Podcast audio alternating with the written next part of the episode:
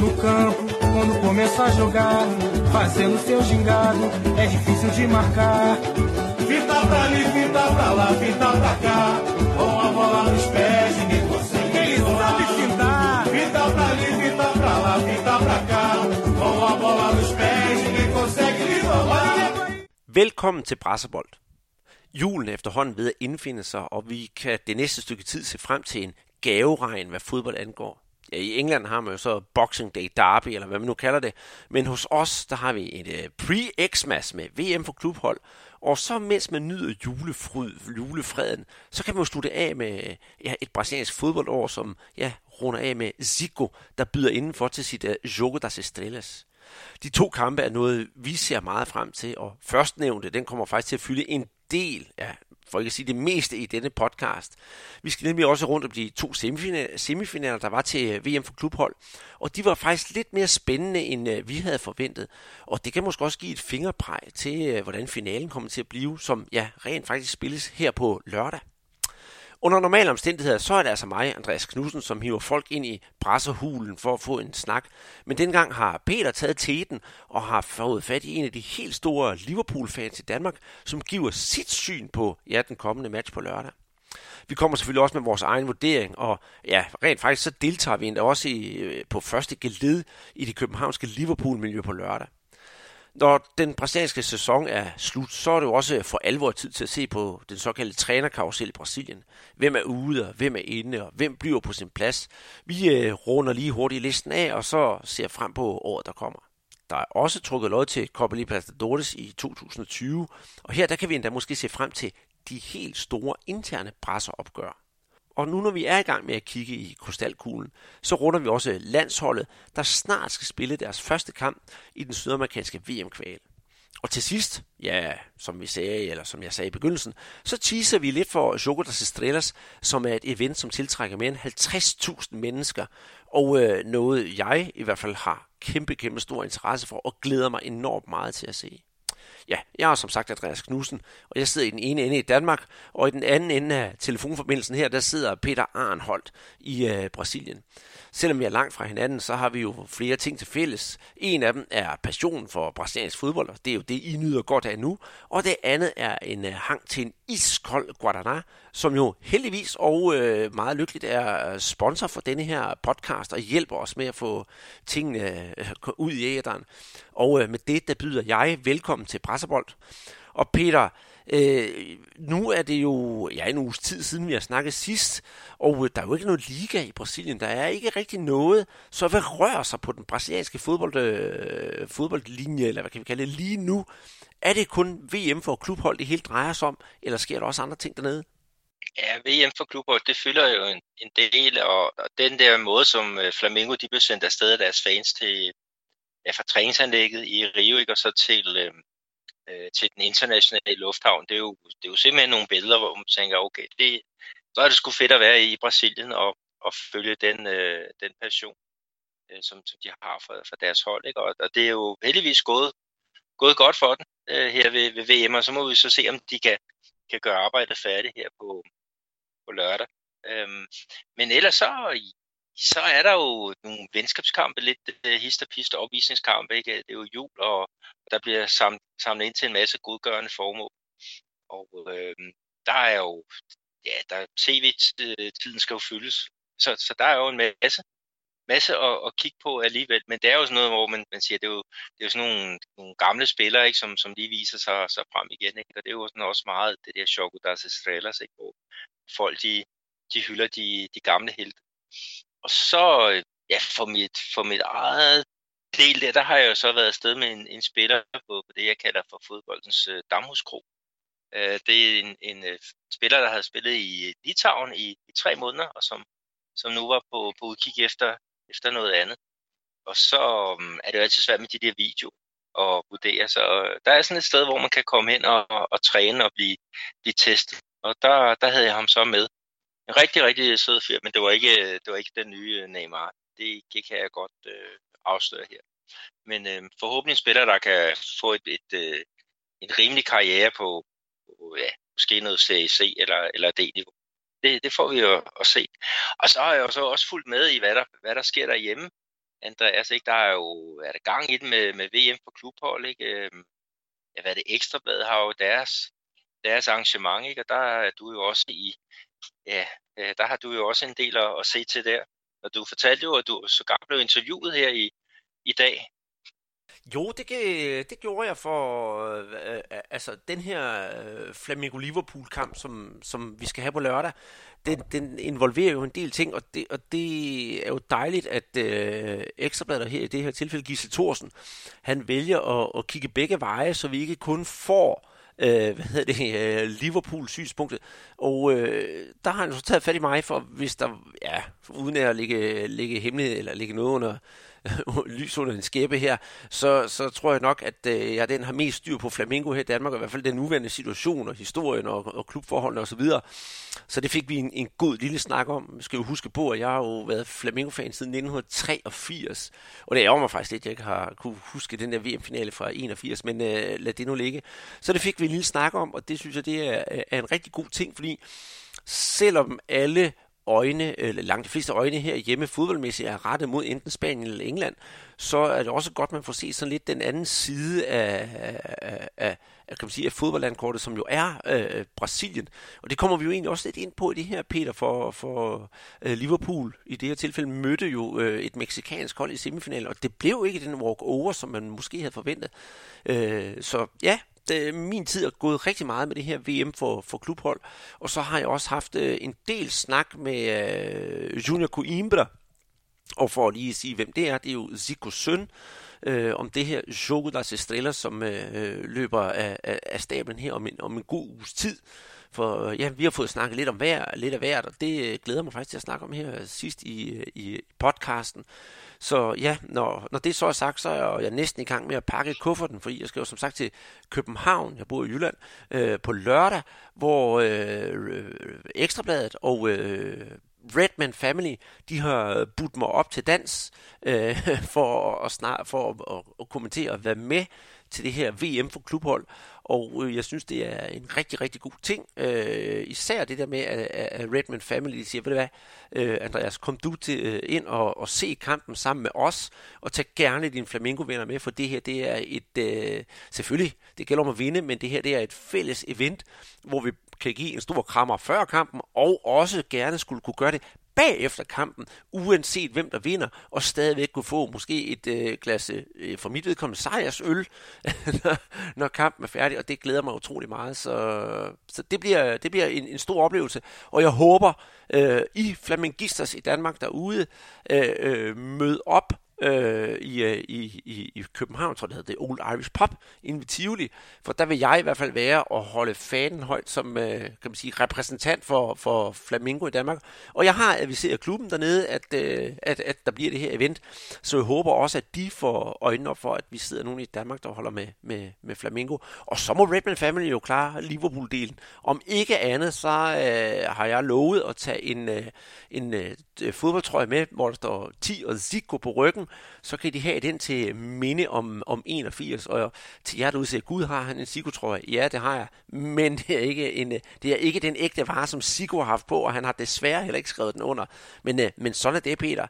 Det er sådan, hvad jeg har fået tiden til at gå med, og det er jo ret meget, kan vi sige. Men inden vi går i gang med at snakke om VM for klubhold, så er det lige tid til en hurtig skiller, for ja, jeg har kun kaffe i koppen indtil videre, men skal ud og hente en øh, kold Guadana, og så kan I måske sætte lige på pause og gå ud og gøre det samme, så vi kan komme i en rigtig ja, brasserstemning. Guaraná Antártica. De Maués para as suas mãos. Bora lá! Ja, Peter. VM for klubhold, det kan vi ikke komme ud om. Det er det, der fylder allermest i øh, Brasilien lige nu, og også her i øh, vores podcast. For at gøre en øh, lang historie kort, så vil jeg øh, sådan set lægge ud med at sige, at øh, vi har en finale, der står mellem Flamengo og Liverpool. Liverpool vandt deres semifinale 2-1, så lægger vi den ned, for det kommer vi til senere. Men det, der jeg synes, der er vigtigt selvfølgelig, det er Flamengo, som fik deres første semifinale mod øh, Al-Hilal Øhm, jeg havde også regnet med, at nu kommer Flamingo til øh, VM for klubhold, og så skal de bare have en walk-over i semifinalen. Men jo, som sagt, ingen af de to semifinaler blev en, en walk-over. Og den her første semifinal mellem Flamingo og Al Hilal, den endte med en 3-1 sejr til Flamingo.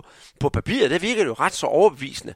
Det, det var egentlig ikke det, vi så, for det, som mange havde ventet, den der totale Flamingo-dominans, den udeblev jo rent faktisk i hele første halvleg. Og øh, ja, det endte jo sågar med, at Al-Hilal de kom foran øh, et kvarter inde i, i, i første halvleg på næsten sådan et copy-paste-mål fra Copa Libertadores. Og i det hele taget, så synes jeg, at øh, sådan set over en, en, en stor kamp, så mindede den der første halvleg sådan lidt også om den der Copa Libertadores-final nervøst, og der var ikke rigtig nogen af holdene, der sådan øh, virkelig kunne steppe op, og Flamingo underpræsterede totalt. Øh, ja, jeg, jeg, jeg skyder det bare til hjørne, og så siger, at det var nok også nerver og så videre. Men, men, men der er to spørgsmål, jeg stiller mig. Der kan du hjælpe mig med at svare. Det, er, det ene er, er det nerver, eller er Flamingo ved at køre sig en lille smule trætte, fordi det er jo for dem aller, aller sidst på sæsonen. Ja, de, de må være trætte. Øh, men, men igen, altså det, de er jo meget afhængige af deres to øh, kreative midtbanespillere.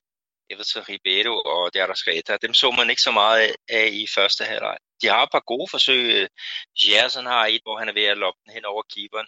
Øh, sådan en, en, øh, en løs bold, der ender til ham uden for feltet. Ikke? Og så, så prøver han at få den ind, men er, lidt for upræcis. Ikke? Og så hurtigløberen øh, Bruno Rieke, han har jo også et gennemløb, ikke? hvor han, han så bare bliver taklet i, i sidste øjeblik. Men, men ellers så var det helt der var det farligste hold, øh, og øh, Flamengo må jo godt for deres målmand, øh, Diego Alves, der har en fantomredning.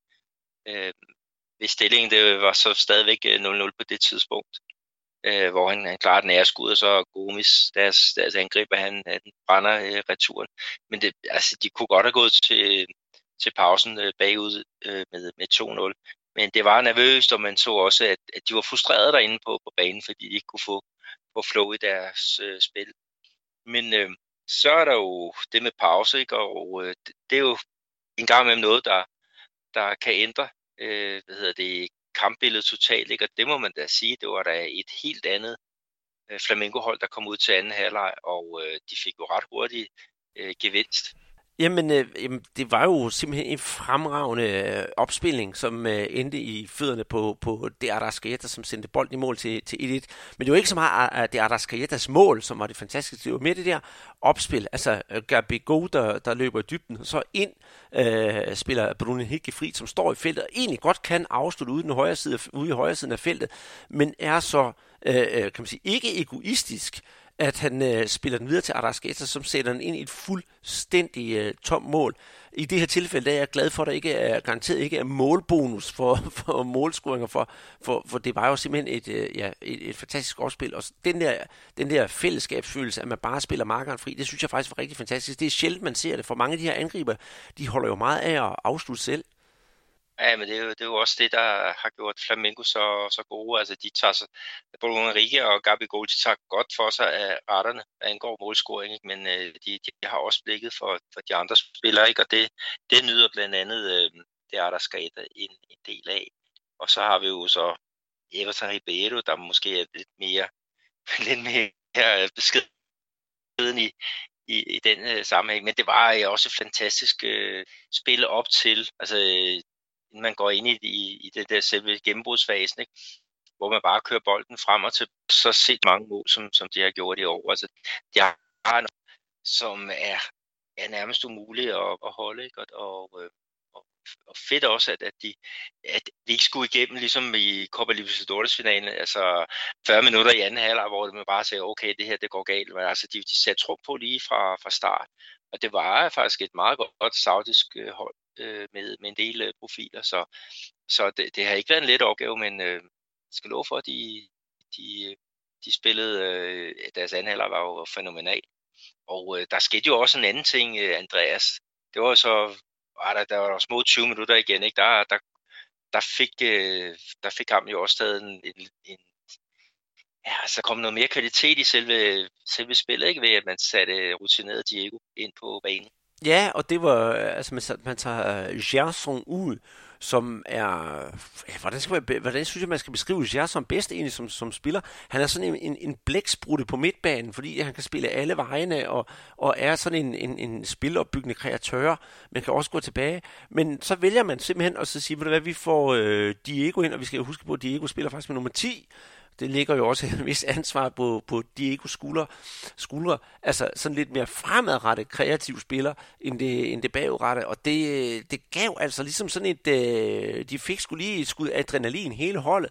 Og, og, og Diego, han kan altså noget, selvom han, han efterhånden er blevet sådan lidt mere en indskiftningsspiller, øh, så synes jeg virkelig, at han har nogle kvaliteter stadigvæk, som kan være med til at løfte Flamingo. Også give det noget dynamisk flow sådan, øh, i kampen, når, når, man kan sige, når, når, når kræfterne er ved at, blive, øh, ved at være brugt op. Øh, det lykkedes jo så ikke for Diego, men han kan altså også være rigtig, rigtig farlig for en mål, og har også scoret en del mål for, for Flamingo her de sidste par år. Ja, altså i de der to mål, altså nu blev den jo, jo 3-1, ikke? og han, han aftræder sidste fod på, på begge mål. Altså det første over i højre side, hvor han spiller bakken Rafinha øh, ud fri i højre side, ikke? og så indlægget øh, rører jo i hovedet på, på Enrique, der lige rykker i det, det rigtige øjeblik. Ikke? Og så bare er det fire minutter efter, ikke? så er han øh, på færre i den modsatte side, hvor han øh, finder Bruno Enrique i, øh, i dybden.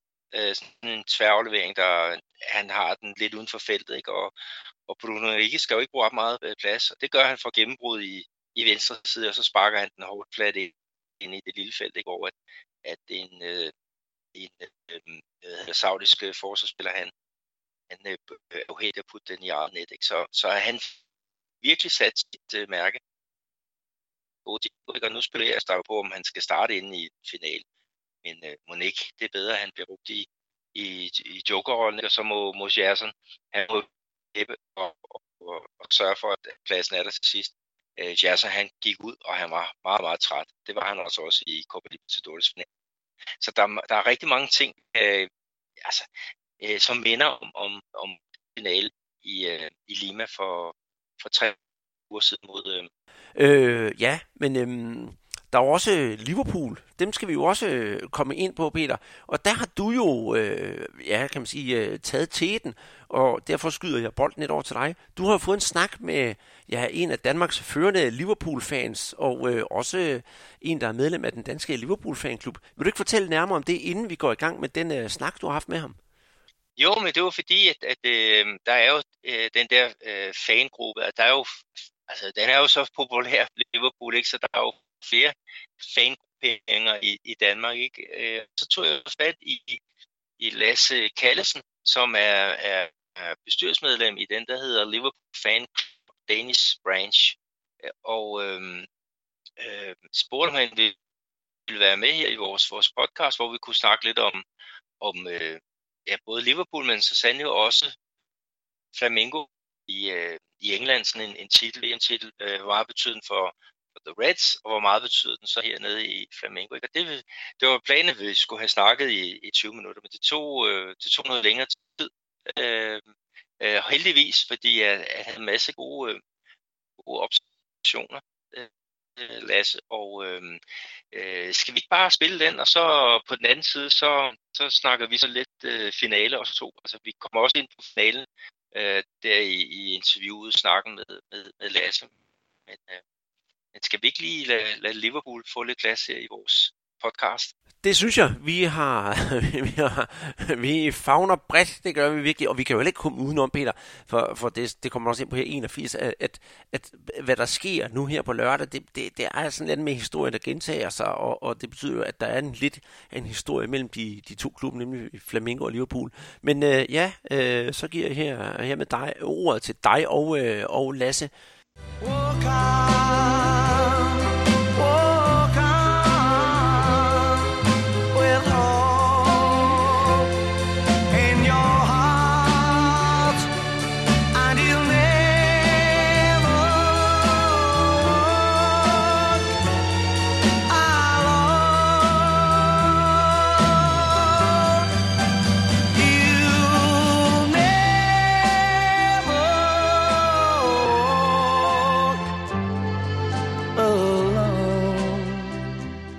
På lørdag går det løs med VM-finalen for klubhold.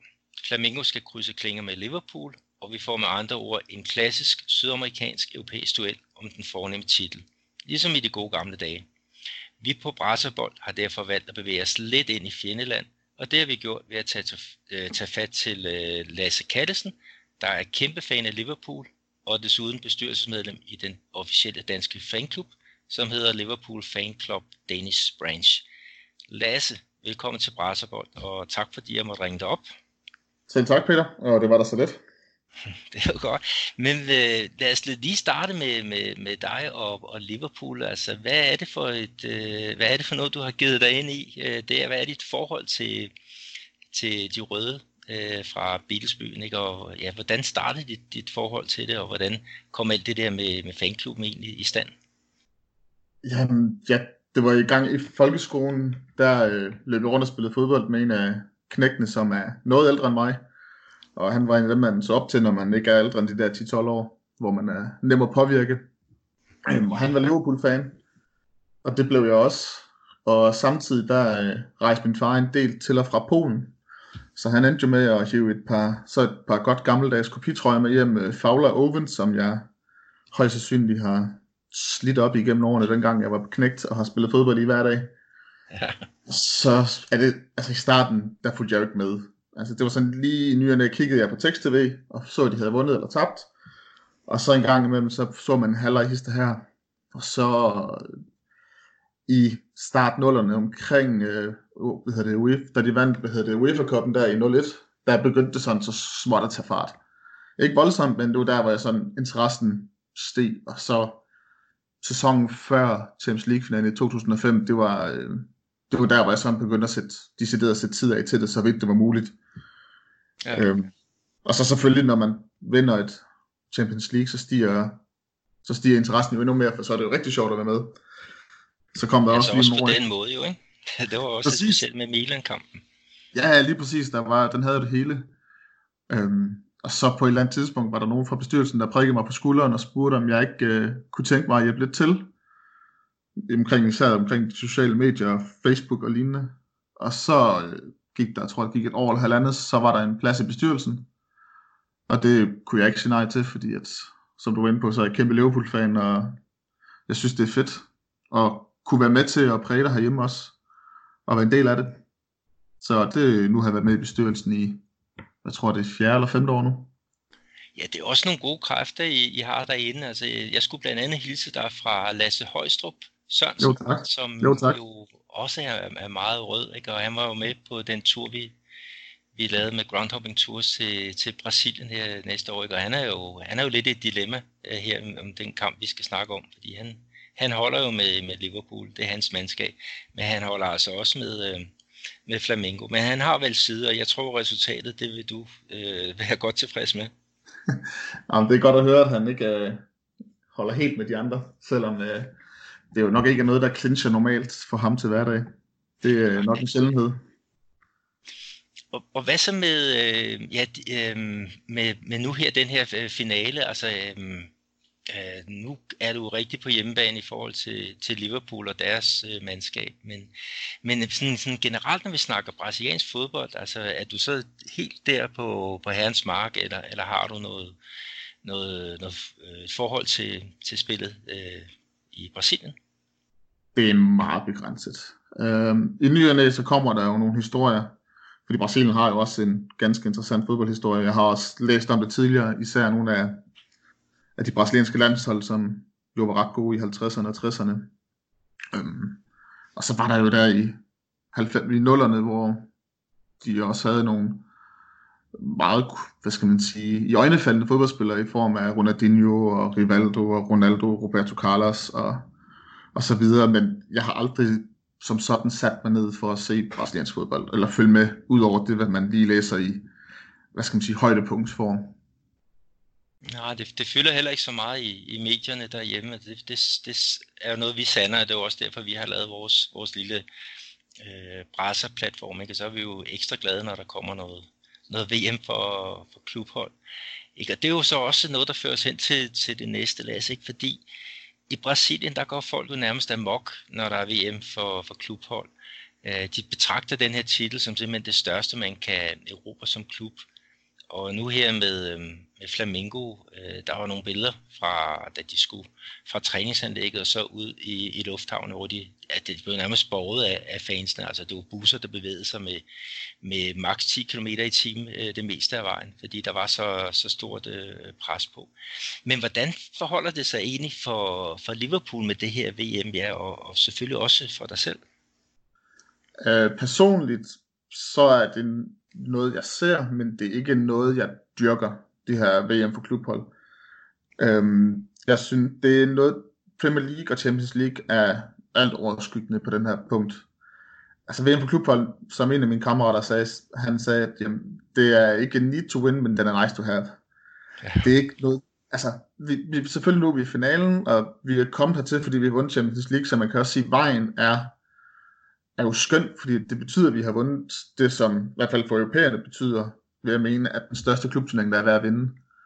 Øhm, men det falder også lidt sammen med, i hvert fald i den her sæson, at der ligger et Premier League, et mesterskab i Premier League, og venter lige om hjørnet, måske, og det fylder 10 gange så meget, altså ikke 100 gange så meget, som et VM for klubhold, som måske bliver set mere som et bump på vejen, for sådan åh oh, nej, vi skal, derned, vi skal til Katar og spille fodbold. Det er midt i juleprogrammet, som i forvejen er hektisk. Og der er begyndt at dukke lidt skader op i forsvaret. Har vi tre mand ude, og midtbanen har vi også et par stykker ude. Og man sidder sådan lidt, det slider lidt ekstra på spillerne, hvor man måske egentlig gerne ville have haft lidt mere ro omkring det hele. Så det er ikke øh, noget, der brager igennem. Men igen, det er vel den eneste pokal Liverpool lige umiddelbart mangler at vinde. Det er VM på klubhold. Så den er jo også rar at have, og er man i en finale, så skal man også spille for at vinde. Sådan har jeg det. Øh, jeg, jeg er helt enig, og hvad her på lørdag, der går det jo løs. Altså, Flamengo, de slog Al Halil med, med 3-1 i sin øh, semifinal, og så The Reds gjorde sit arbejde færdigt med 2-1 over Monterey, Monterrey, og det var faktisk en brasiliansk sidste øjebliksscoring af Roberto Firmino. Så vi snakker i hvert fald om, at for os så er det en, en ren ønskefinal.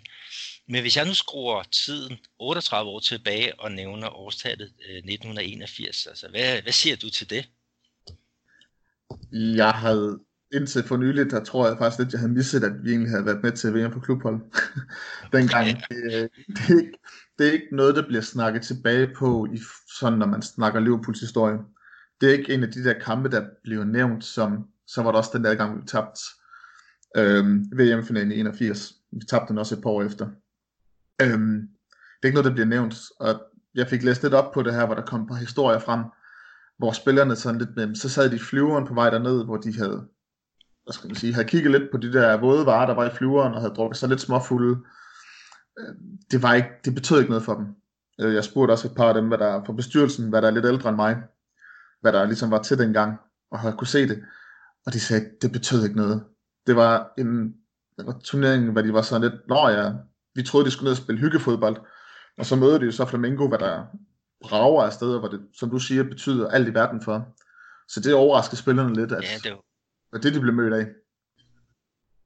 Ja, men det var også, øh, altså, det var også noget andet øh, fodbold, der var i Brasilien på, på det tidspunkt. Altså, det var jo nærmest ulovligt for, for de store spillere at, at rejse ud af landet. Og på det Flamengo-hold, som jo vandt 3-0 over over Liverpool, der havde vi jo blandt andet Zico, som var den helt store stjerne. Der var Junior, der spillede venstreback, og så Leandro øh, højre bak. Det var i hvert fald sådan nogle, nogle af de der profiler, ikke? og dem mærkede vi jo først, da jeg så sådan rigtigt til, til VM i 1982, ikke? hvor der var, altså man snakkede om, at, at det her, det var det, det bedste landshold nogensinde, der, der aldrig havde vundet et, et, øh, VM.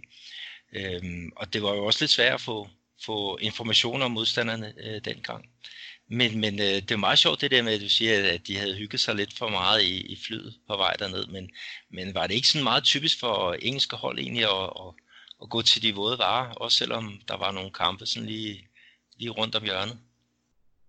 Og man har hørt historien om, at øh, der blev drukket nogle øl. I hvert fald, hvis man øh, hører Møgli fortælle historierne, så har han også tit fået for, for, fortalt, at øh, de basically, og det var jo 10 år efter nærmest, det var jo, ah, jeg ved, kan ikke huske, hvornår Mølby præcis kom til Liverpool, men det var nogle år efter, hvor de jo, spillerne jo skyndte sig i bad, fordi så vidste de, der var tre kvarter til at drikke øl i, inden de skulle med bussen hjem. Ja, Ja, det, altså, der er sket noget også... på den, øh, den front. Ja, præcis. Men altså, man kan jo sige, at jeg forstår også godt, at det er stort for Flamingo og andre, hvad skal man sige, ikke-europæiske hold at spille de her kampe, fordi at de, de får mulighed for at stille sig ud på den muligvis den største scene, i hvert fald i forhold til fodbold, hvor Europa jo generelt i hvert fald, det er mit indtryk af, hvad skal man sige, epicentrum for fodbolden, og det er jo der, hvor alle gerne vil hen og spille, det er der, hvor de største klubber er. Øh, så jeg kan godt forstå, at de har et helt, helt andet mindset, når de møder Liverpool, eller hvem det nu er. Ja, der er kommet sådan en, en der er meget stor øh, interesse for brasiliansk, eller så for europæisk fodbold hernede, ikke? og her i den by, hvor jeg bor, det er jo nok noget, der vil glæde dig, der er der jo faktisk en, en øh, Liverpool fanklub, og jeg har jo så set øh, to Champions League finaler med dem øh, de sidste to år, og den her sidste år, eller den her i år, det var selvfølgelig den, den sjoveste, men, men de, de lever og ånder simpelthen for det, der, der foregår, og altså i Premier League, og så også også øh, Champions League. Men det, du har helt ret, altså, det, altså Europa har et eller andet sted overhalet øh, øh, sydamerikansk fodbold med, med nogle længder. Men øh, derfor så er det jo meget sjovt at så se, når der endelig er mulighed for at, at måle øh, en europæisk øh, modstander med en, en sydamerikansk, at se, hvor, hvor står øh, tingene lige nu og her. Øh, for nogle år tilbage, der var det jo Santos med, øh, med Neymar og Gansu, øh, der var der jo kæmpe forventninger til, til dem, ikke? og så spillede de jo finale mod Barcelona, hvor de blev kørt ud øhm, og, og tabte øh, kæmpe stort. Men, men øh, nu må vi se, altså vi skal jo, altså det er jo Flamingo, ikke? og de har jo investeret øh, rigtig meget op til det her hold, så der er faktisk nogle, nogle, øh, nogle store forventninger til, øh, hvordan øh, at, at de måske kan, kan, kan bryde den der europæiske øh, dominans. Så. Men hvad er din, din forventninger egentlig til den her finale, øh, Lasse? Ikke? Og, og hvad siger jungletrumlerne i, i Liverpool? Altså, du, du har jo allerede snakket lidt om, om de folk, som du har, har, har hvad hedder det, chattet lidt med i forhold til, hvad, hvad betyder den her finale egentlig? Altså, hvad hedder det, jeg, man kunne egentlig lidt se, det er lidt svært med Klopp lige nu, fordi vi havde et Merseyside derby for ikke så lang tid siden, hvor øh, da jeg så Holstein tænkte, hvad i alverden laver han? Hvor han lige pludselig valgte nærmest at sige gåsøjne og spare flere spillere, hvad der stamspillere, jeg tror han skiftede fire eller fem spillere, og det gjorde han igen kampen efter, hvor knap så jeg mente, at Bournemouth mødte der. Og vi så også i kampen i, øh, i onsdags, at det var også lige pludselig, at det, han satte sig ikke rigtigt på den. Jeg, det, han satte sig til sidst, hvor han godt kunne se, okay, vi skal ikke forlænge spilletid, nu, øh, nu smider vi et par Mané og Firmino ind blandt andet. Øhm, så jeg har faktisk svært ved at lure, hvad han stiller op med. Om han stadigvæk lige vælger at spare en enkelt spiller eller to. Der er også nogle stykker, der har været lidt sygdom i truppen. Der er et par småskavanker også, hvor man sidder og tænker, dem tror jeg ikke på, at han tør at sætte spil med, fordi at der ligger det her Premier League, der, der venter. Og vi har øh, Leicester, som lige nu ligger nummer to i, øh, i ligaen, dem har vi øh, på Boxing Day. Så der er nogle ting, han er nødt til ligesom at afveje her, sådan, hvor meget kan jeg spille med den stærkeste, stærkeste opstilling, hvis vi nu ender med, at det bliver en kamp, hvor, øh, hvor der er knald på, og der kommer gang i taklingerne, og det bliver spillet aggressivt. Nu ved jeg ikke, om Flamingo er et hold, der øh, har de tendenser, men man har jo nogle gange set og hørt lidt fra Sydamerika, hvor øh, der bliver taklet igennem. Jamen det, det, det bliver der også. Altså det, øh, kommer til at snakke lidt om, om øh, Flamingos hold øh, øh, lidt senere, men, men det er da helt sikkert, at, øh, at Flamingo de vil jo gøre alt for at, at vinde den øh, kamp. Altså, de har jo haft en, en forrygende sæson. De har vundet Rio-mesterskabet. Øh, de har vundet det brasilianske mesterskab. De har vundet det sydamerikanske mesterskab. Og så er der så mulighed for at, at vinde det her VM for klubhold. Altså, det kan jo blive den bedste sæson øh, nogensinde. Så, så der, der kommer til at stå nogle, nogle rødsorte spillere med, øh, med, med el i øjnene. Men, men altså, hvis du nu skulle øh, gætte på, hvordan vil Klopp øh, stille op i, i den her øh, finale? Altså, hvad, kommer det til at minde meget om, om den der Monterrey-kamp? Øh, øhm, eller vil han, vil han øh, jeg skal sige, smide for eksempel øh, Firmino øh, fra, fra start af? Øh, altså, det betyder jo meget for brasilianer at, at vinde den her øh, øh, VM-titel, ikke? og Firmino, han er jo opdraget i den der kultur. Så vil det ikke være smartest at smide ham øh, på fra start? Nå, jeg tror også, nu ved vi ikke om Van Dijk han stadigvæk er syg og hvor ramt han er. Han har vist nok trænet i dag, øh, her torsdag. Men jeg tror, Allison står igen. Jeg kunne forestille mig, at Alexander Arnold kommer ind og spiller højre bakken. Gomez spiller også centerforsvar, fordi han er den eneste centerforsvar, vi sådan har 100% klar. Resten af dem er skadet eller syge. Så hvis Van Dijk er klar, så tror jeg, at han spiller, hvis han er 100% fedt. Ellers så bliver det højst sandsynligt Henderson. Robertson havde ikke lige frem en brandkamp i, øh, på venstre bak i onsdags. Spørgsmålet er, om han giver ham en pause, eller sætter Milner ned. Han er jo sådan lidt alt muligt, men han spillede højre bak her i onsdags. Øhm, central midtbane, det bliver svært. Øhm, hvis Van Dijk er klar, så tror jeg, Henderson bliver skubbet op. Ellers så kunne jeg forestille mig, at det bliver Keita og Oxlade Chamberlain spiller nok igen begge to. Øhm, og så kunne jeg godt forestille mig, at han kører med de tre, øh, Salah, Firmino og Mané fra start. Fordi igen, det er en finale, og vi skal også altså, det kan godt være, at vi ikke prioriterer den særlig højt, men vi skal trods alt stadigvæk vise en turnering af respekt, og det er en pokal, vi ikke har vundet før i klubben, og, og det kunne være fedt, og jeg tror også, at hvis man bænker to-tre af de der, af de tre forreste i hvert fald, det er nok ikke noget, de har lyst til, når det, når det er finaletid. Der vil de altså gerne spille og vinde og skrue nogle mål. Så jeg tror, at vi kommer til at se Liverpool i, i grove træk i noget, der kunne minde om stærkeste opstilling, ud fra det, hvad der er af friske spillere lige nu.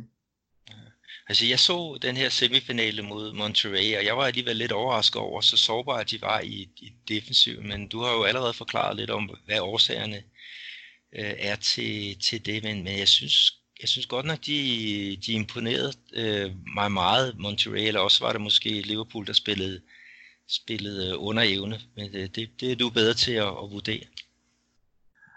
Jeg, jeg synes, det var en blanding. Øhm, man spiller med midterforsvar, hvad der egentlig normalt er en central midtbanespiller. Han har måske haft to træningspas, jeg ved ikke lige, hvornår Van Dijk præcis blev syg. Men hvis han har haft to-tre træningspas til lige at finde ud af, hvordan placerer jeg mig som midterforsvar, det trækker bare hurtigt meget opmærksomhed fra hans makker i midterforsvaret, og så de to backs, fordi der er lige pludselig noget, de skal være opmærksom på. Der var heller ikke nogen decideret defensiv midt. Øhm, de spillede med, vi spillede med Lallana som den defensive midt. Øhm, han, han har et godt hjerte i forhold til at ville kæmpe for sagen, men han bliver jo aldrig en defensiv midtbanespiller. Keita er også, og Oxley Chamberlain er også de der, lidt med de der box-til-box spillere, hvad der skal ud og løbe nogle kilometer, men ikke skal ligge og beskytte, hvad hedder det, øh, forsvaret, som for eksempel, hvis man tager en brasilianer, som Fabinho gør, hvad der er jo er helt eminent på den position. Ja, han har også imponeret mig, Fabinho, ikke? og det er jo pokkers ærgerligt, at han, han ikke er med her i, øh, ved, ved VM på grund af, af sin, øh, sin skade. Ikke? Men, men øh, jeg var meget imponeret i hvert fald over deres, altså jeres øh, midtbanespiller Keita. Altså det, det, den måde, han, han buller med frem og, og finder de der huller. Ikke? Og så er der jo nogle, nogle dygtige spillere, der kan det der kombination. Ikke? Øh, øh, finde, finde det rigtige rum og slå bolden i det rigtige tidspunkt. Så jeg, jeg synes, at altså offensiv imponerede mig, øh, Liverpool. Ikke? Og så også den der coolness, altså, altså slå til i, i sidste øjeblik. Altså det, hvis man ikke vil spille i ja, ekstra 30 minutter, så er det jo en meget god idé at slå til øh, kort før tid med, med et sejrsmål. Ja, altså det har været Liverpools, hvad, hvad, hvad skal man sige, det er symbolet på Liverpool den her sæson. De har vundet rigtig mange kampe 2-1, og rigtig mange af dem er blevet afgjort i de sidste 5-10 minutter. Så det er ikke fordi, det kommer som en kæmpe overraskelse, at at vi egentlig gjorde det, i hvert fald ikke som Liverpool-fan, hvis man følger Premier League meget, så vil man sidde og tænke, okay, det, så gør de det igen. Det mentaliteten i truppen er til at sige, at vi kører på, og vi skal nok få det mål, og så tror de så meget på sig selv, at der er ikke noget, der hedder at spille uafgjort. Altså, det er op at vinde, og vi har spillet en kamp uafgjort i Premier League den her sæson, og det siger også noget om det, den mentalitet, der er i truppen, at man kører på, Ja, der synes jeg også, at Klopp han sender nogle, nogle signaler i, i den retning. Altså, øh, det er et fantastisk øh, forvandling, han har lavet med, med Liverpool, efter øh, han kom, kom til. Øh, og det må være sindssygt spændende at, at, at være så tæt på, som, som for eksempel øh, du er. Men øh, nu her, det, det brasilianske hold, altså øh, ved du for eksempel øh, mere om Flamengo, end du vidste om øh, Monterrey? Nej, det tror jeg bare. Altså, Flamengo har jeg hørt om, navnet er bekendt, og jeg har helt sikkert også på et eller andet tidspunkt set eller hørt noget omkring den. Det er ikke noget, jeg kan huske lige sådan på, på, på, på stående fod, men Monterey har jeg aldrig nogensinde hørt om. Jeg kendte et par spillerne. Øhm, de, har, de havde Vincent Jansen og et par andre, hvad der har været i europæisk fodbold, men ellers så ved jeg ingenting om overhovedet. Det var... Flamingo har jo en eller anden form for historie, hvor man hører om, at man ved, jeg tror i hvert fald, jeg ved, at det er nogle af dem, der har kæmpet med om mesterskabet, og de sydamerikanske mesterskaber, og lignende har haft nogle kampe der, hvor man siger, at det er et af de bedre hold i hvert fald. Ja, altså de har haft en, en øh, fænomenal øh, sæson, og, og det som der også har imponeret mig, nu snakker du om det med, at, øh, at, Liverpool er gode til at vinde kampen med, med et enkelt mål, altså det er, er Flamengo også, altså de var jo i, Copa Libertadores finalen, der var de jo bagud med, 1-0 til der manglede, der manglede dårligt 5 minutter, ikke? og så vender de det på, på to mål af, af Gabi Goal. Og de har, øh, de startede lidt skidt øh, i sæsonen, altså lidt, det virker sådan lidt, sådan lidt øh, la-la, og så fik de fat i en portugisisk træner, Jorge Jesus, som, som så kom og, og overtog, ikke? og øh, der var ikke noget med, i Brasilien der kalder man jo en, en træner for professor, men han vil ikke være professor eller lærer, altså han, han er mister, det er ham, der bestemmer. Og han har virkelig fået, fået sat nogle, nogle ændringer i gang øh, med det her hold. Men hvis vi kigger på den startopstilling, som du kan forvente her i morgen, så øh, øh, vil du ikke genkende til, til nok mange af dem. Øhm, Diego Alves, han er på mål. Øhm, fortid i blandt andet Valencia. Øh, så er der i de fire bagerste, Rafinha øh, fra Bayern München, Rodrigo Caio, som spillede i centerforsvaret, det hold, der vandt OL-guld i 16. Pablo Mari, som har været i Manchester City øh, og var lejet ud derfra. Og så er der Felipe Luis, som jo også er en, en rutineret brasiliansk landsholdsspiller. Og så har de fire på midtbanen, øh, to kreatører ude i hver sin side, Everton Ribeiro i højre side, venstre benet, og så der er der Scaeta i øh, venstre side, som er højre benet, og så har de sådan et, et maskinerum bestående af Gerson, en ung spiller med fortid i Roma, og så William Arang. Og så fremme, så har de jo et sindssygt farligt angreb i øh, Gabi Goal, som jo var et flop i Inter, og så øh, Bruno Enrique øh, fra, ja, der har fortid i, i Wolfsburg. Men, men det er et sindssygt øh, øh, aggressivt øh, hold, og de kan nemlig også øh, spille fodbold, altså, hvor de bruger meget øh, øh, deres bakker. Både Rafinha og Felipe Luis, de kommer jo så med op. Men så er der meget af det kreative, der kommer fra øh, Everton Ribeiro, og så det er Raskreta. Og så har de jo ja, Gabi Golik, som alle havde afskrevet, som har fået gang i sin karriere igen. Og så Bruno Enrique, altså tro det eller lade være, han spillede amatørfodbold, da han var 21. Og nu her syv år efter, så spiller han på, på øh, ja, Sydamerikansk, øh, Sydamerikas øh, bedste klubhold. Og han har sågar også fået nogle, nogle øh, landsholdspositioner. Øh, eller pladser. Og, og så på bænken, så har de også noget at skyde med, ikke, hvor jeg vil nævne Diego, øh, som du sikkert også kender fra hans tid i Porto og, og Werder Bremen. Var, var der noget der, der som du kunne ikke genkende til? Ja, der var i hvert fald øh, Philip Luis og Rafinha har jeg, de er jo, dem kender vi i hvert fald her i øh, Europa som nogle gode backs, der giver den gas op frem i banen. Øhm, Gabigol har jeg hørt lidt om, han, han får også noget, hvad skal man sige, medieopmærksomhed herover, fordi han laver en del mål. Øh, Diego kan jeg godt svagt huske fra, øh, fra hans tid i Werder Bremen, tror jeg det var. Øhm, så det er jo også spillere, man kender. Man kan jo godt se, at det er også et tegn på, at Flamengo kan hive spillere hjem, hvad der egentlig ikke er over sidste salgsdato fra Europa. Det, det tegner jo også for, at man kan et eller andet i uh, Brasilien, i hvert fald for dem. Øh, ja, det, det er jo, faktisk fordi jeg tror, at Rafinha, han, jeg mindes ikke, han er så gammel igen, at han burde, øh, sammen med Philip Luis, at de burde øh, vende snuden hjem for, hvad skal man sige, at lige få den sidste kontrakt i hjemlandet og hygge sig. Nej, det er, altså, Flamengo er jo også en klub, som blandt mange andre, ikke, der har kæmpe, kæmpe underskud, så har de formået at, at få, få deres økonomi på plads, og nu buller de bare derude af, og der er jo 60 øh, til 65.000 på, på det her mytiske Maracana, hver gang de, de spiller øh, derhjemme. Øhm, og og øh, øh de har jo omkring 40 millioner fans i, øh, her i, i øh, Brasilien. Altså de har flere Altså de, de har nærmest øh, 95% af deres fanbase, det er i Brasilien, ikke? og så måske maks 5 ude, ikke? hvor jeg sige, den klub, som du har med at gøre, ikke? Altså, det er jo et, et øh, kæmpe brand, altså ikke bare i, i England, vel? Nej, altså Liverpool, det er jo, de er overalt nu, kan man sige. Det er jo, hvad skal man sige, spredt over hele verden, hvor man også kan se på, når man tager på preseason-tur.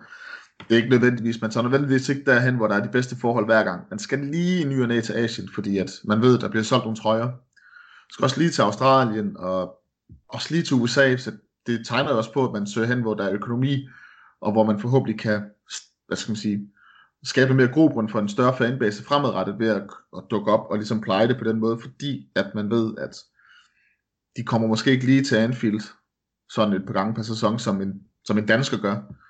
Det er jo begrænset, hvad vi, øh, altså dansk, også dansker, det er jo en weekendtur, hvor det er for mange af de andre kontinenter, der er det jo, der er det jo en decideret ferie.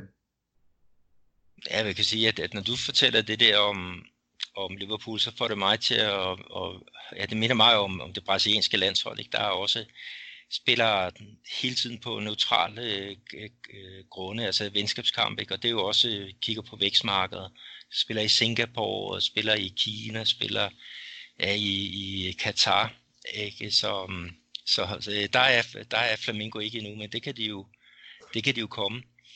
Øh, men, men Flamingo, øh, igen her, altså de, øh, jeg håber at, i hvert fald, at, at, at du får en spilmæssig oplevelse, fordi de kan spille rigtig, rigtig godt fodbold. De har så i de øh, sidste, ja, den der finale, de spillede mod, øh, mod River Plate, der, der spillede de jo ikke særlig godt i, jeg tror det var 80 minutter, og så, så slog de så til. Og i den her kamp mod Al, øh, Hilal, der var de fantastiske i anden halvleg, og, og var bagud 1-0 og kom i, igen. Men de spiller altså øh, noget, noget fremadrettet fodbold, noget meget intensivt øh, fodbold. Og det håber jeg også, at, at, øh, at de kan få, få vist øh, her på, øh, på lørdag. Altså lad os satse på en, en, øh, en fantastisk øh, finale. Øh, og så øh, en anden ting, som jeg også lige tager med, det er, at, at øh, de er altså også gode til at, at få kort. Altså det er så ikke kun for hårde taklinger, men, men også meget for, for brok. Ja. Øhm, og øh, Gabi Gold, han er sådan op i, i liga med, med Felipe Luis, øh, hvad, hvad angår det at få kort nede i, i Brasilien. Jeg, jeg tror, han har hævet tre, tre røde og 18 gule i løbet af, af den her sæson. Ikke? Så, så, så det, det, det skal man lige vende sig til. Det er jo ikke noget, man er glad for i England. Nej. Altså, jeg, jeg tror, at det egentlig er til Liverpools fordel, hvis det er sådan, at hvad skal man sige, Flamengo gerne vil ud og spille fodbold. Der, der er Liverpool, de er stærke, når, når modstanderen egentlig presser på. Fordi så bliver det lidt, hvis det bliver lidt too bankfodbold, så har Liverpool de der omstillinger, hvor de egentlig er ret skarpe i. Og, og det er svært at lægge op for Liverpool generelt, fordi at, hvis der er sådan et hold stiller sig tilbage, så kan de sagtens, hvad skal man sige, køre pasningsspil rundt og vente. Det, det var lidt det, de gjorde mod Monterey i, i onsdags til tider i hvert fald. Men de kan altså også godt spille den øh, lange bold, som blev vist mod Everton et par gange, og også igen øh, i ugerne efter, hvor man simpelthen bare saver bolden fra bagerste kæde og så op over modstanders forsvarslinje, og så, så, så har Liverpool bare tre raketter derop, også Okashi for den sags skyld, når han spiller, at så er der knald på. Så man kan håbe på, at det er to hold, der gerne vil spille fodbold i hvert fald, så det bliver seværdigt.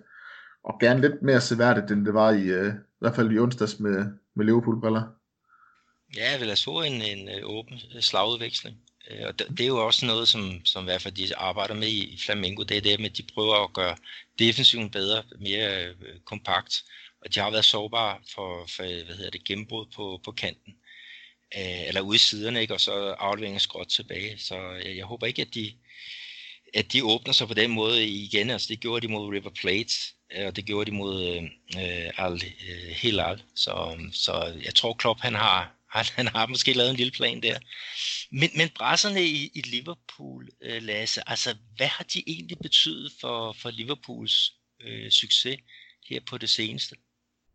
Altså jeg tror, at egentlig de tre brasilianere, vi har lige nu i Firmino, Fabinho og Alisson, når de alle tre er klar, og hvad skal man sige, kampprogrammet passer i forhold til, at man ikke skal spare nogen, så er de blandt de første, der bliver skrevet på. Der har jeg ingen tvivl. Alisson, efter han er kommet til, er sammen med Van Dijk også, de lapper lidt over hinanden, men der er ikke noget usikkerhed længere i Liverpools forsvar. Og der er Alisson en kæmpe gevinst. Han er han er ikke lige så god med bolden som Ederson, men han kan stadigvæk, han kan aflevere, kan spille bolden sikkert ud. Liverpool har øh, haft et par målmænd inden Alisson kom til i form af Karius og, og Mignolet, som at målmænd, hvor der så skydes på meget oftere, end der bliver i Liverpool. Altså de, det der med at være klar til de der ene eller to aktioner, der, der er i løbet af en kamp, det var de ikke mentalt klar til. Der er Allison på et helt, helt andet niveau. Selvom der ikke er et skudmål i 90 minutter, så står han klar. Han har det der, den her målmandsgen, hvad der er få målmænd, der har, hvor de ved, jamen et skud per kamp, så skal jeg nok nå den. Så han er vanvittig. Vi betalte mange penge for ham, men det har været hver en cent værd. Fabinho skulle lige i gang, øhm, da han kom til der for, hvad er det, halvandet års tid siden. Han skulle lige bruge en halv sæson på lige at finde ud af, hvad tempoet var i Liverpool og i Premier League, og det var som om man sad og tænkte lidt, nå, kommer han snart? Øh, men efter han først, jeg tror vi ramte omkring november sidste år, der begyndte det bare at køre for ham. Der fandt han formen, og så har han jo stort set været fast mand siden. Han er en kæmpe boss på midtbanen, tager alt. Og så har han også, han har lidt det der sydamerikanske gen med, at han kan spille sindssygt hårdt, hvis det er nødvendigt. Og så kan han stadigvæk lave pasningerne. Og han kan også lave de risikable pasninger, ikke øh, på niveau som en offensiv midtbandspiller, der kan sende den igennem, øh, lave to tunneller en aflevering, og så ligger den i dybden, men han kan stadigvæk gøre det med en vis risiko, hvor den stadigvæk sidder der. Så han har en, og så har han jo hurtig, kropstærk, vinder rigtig mange dueller, både langs jorden og i luften. Så han også stabiliseret vores midtbane og forsvaret, øhm, som også har været et Liverpools problem i mange år. Ja. At han simpelthen aflaster forsvaret på en helt anden måde, og resten af midtbanen også, at de, har mere, de får mere tid til at, at kunne fokusere på det offensive, fordi de ved, at han står der. Og så Firmino, han er jo et fænomen nærmest. Altså, det ved jeg ikke, om vi kalder ham. Det vil også næsten være for, for meget at tage det ord i munden i forhold til, at man har haft Ronaldo rendende rundt i, uh, i Brasilien der i 90'erne og 0'erne. Men han er jo han er holdets mand. Det er en type, der simpelthen går ind og øh, han arbejder som ind i helvede. Og hvis han en dag ikke løber efter bolden, så er der noget galt. Ja. Og han løber i 90 minutter, og han kæmper for det. Og han har ikke brug for, selvom hans udseende til tider øh, viser noget andet, han har ikke brug for at være, være i centrum. Han, er, han, er, han går bare ind på banen, og så leverer han 120% i 90 minutter, eller der nu er nødvendigt for ham. Og så skal han nok være der. Og det er en, man kan stole på. Han har dårlige kampe, men formår alligevel at, at levere et fornuftigt produkt, selv når han er dårlig.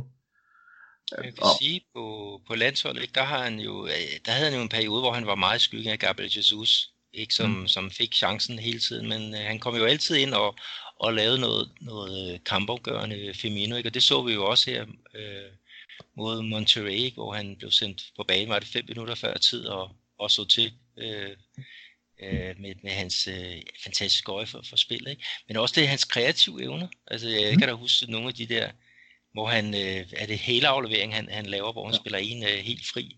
Ikke? Hvor man tænker, øh, hvordan så han, altså hvordan var det muligt for ham at se den? Ja, altså det, det hjælper selvfølgelig også, at han kender Mané og Salah så godt. Og han ved, at de kommer i løbende, også fra Keita og fra de andre fra midtbanen, at han ved, at løbende kommer. Men han tænker nogle gange et niveau eller to længere end andre spillere. Han ser et rum, hvad der egentlig ikke er der, men han ved, det opstår. Øhm, og så, så er det bare selvtillid. Selvtillid på, at han ved, at han ikke gør noget, der er forkert. Og han ikke gør noget dårligt. Det betyder også sindssygt meget, så tør man tage de chancer. Og så lægger man måske ikke altid mærke til, at han har en ny har en faglevering, fordi man ved bare, jamen, igen, hvis den havde været der, så var der sket noget magisk, hvor der blev skruet, eller haft en stor chance i hvert fald. Ja, det, altså, det er helt rigtigt. Altså, vi har på, på det brasilianske landshold, ikke, der, der er jo noget med, at det gælder også om at generobre bolden så hurtigt som muligt. Og mm. der var på et tidspunkt, hvor jeg i sjov sagde, at det var godt at have ham på, på banen, Roberto Firmino, fordi så kunne man jo, altså med hans fejlafleveringer, så kunne man hurtigt få, øh, få generobret den. Ikke? Men, men altså også det, han var den første til at jage bolden. Hvis han laver en fejlaflevering, han arbejder jo for 100% for at forholde. Altså der er ikke så... skyggen stjernenykker hos ham overhovedet og han frigiver, altså de to andre arbejder også defensivt, men han gør bare, at de måske lige kan tænke den smule mindre defensiv, for de ved, at han skal nok tage løbet for dem.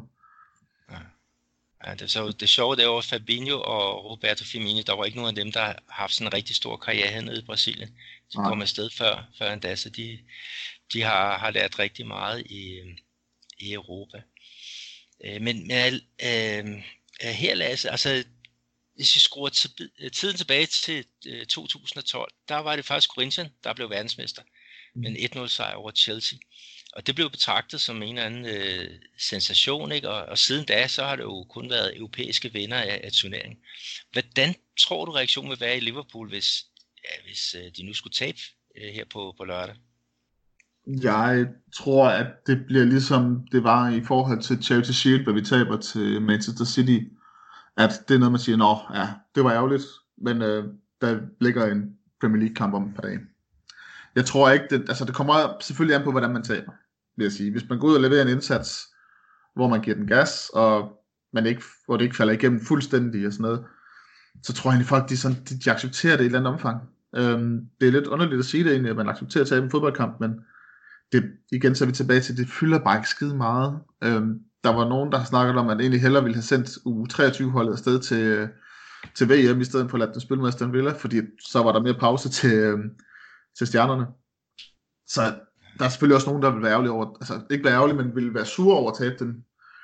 Men jeg tror ikke, jeg tror, at når vi når et par, par dage efter jul og nytår, så er det glemt igen. Men mindre det er sådan, at det øh, ender med, at man går ud og får et par på lampen, og det er noget, der lige pludselig kommer til at have indflydelse på resten af sæsonen, så vil det være noget, man tænker tilbage på som, det var noget lort.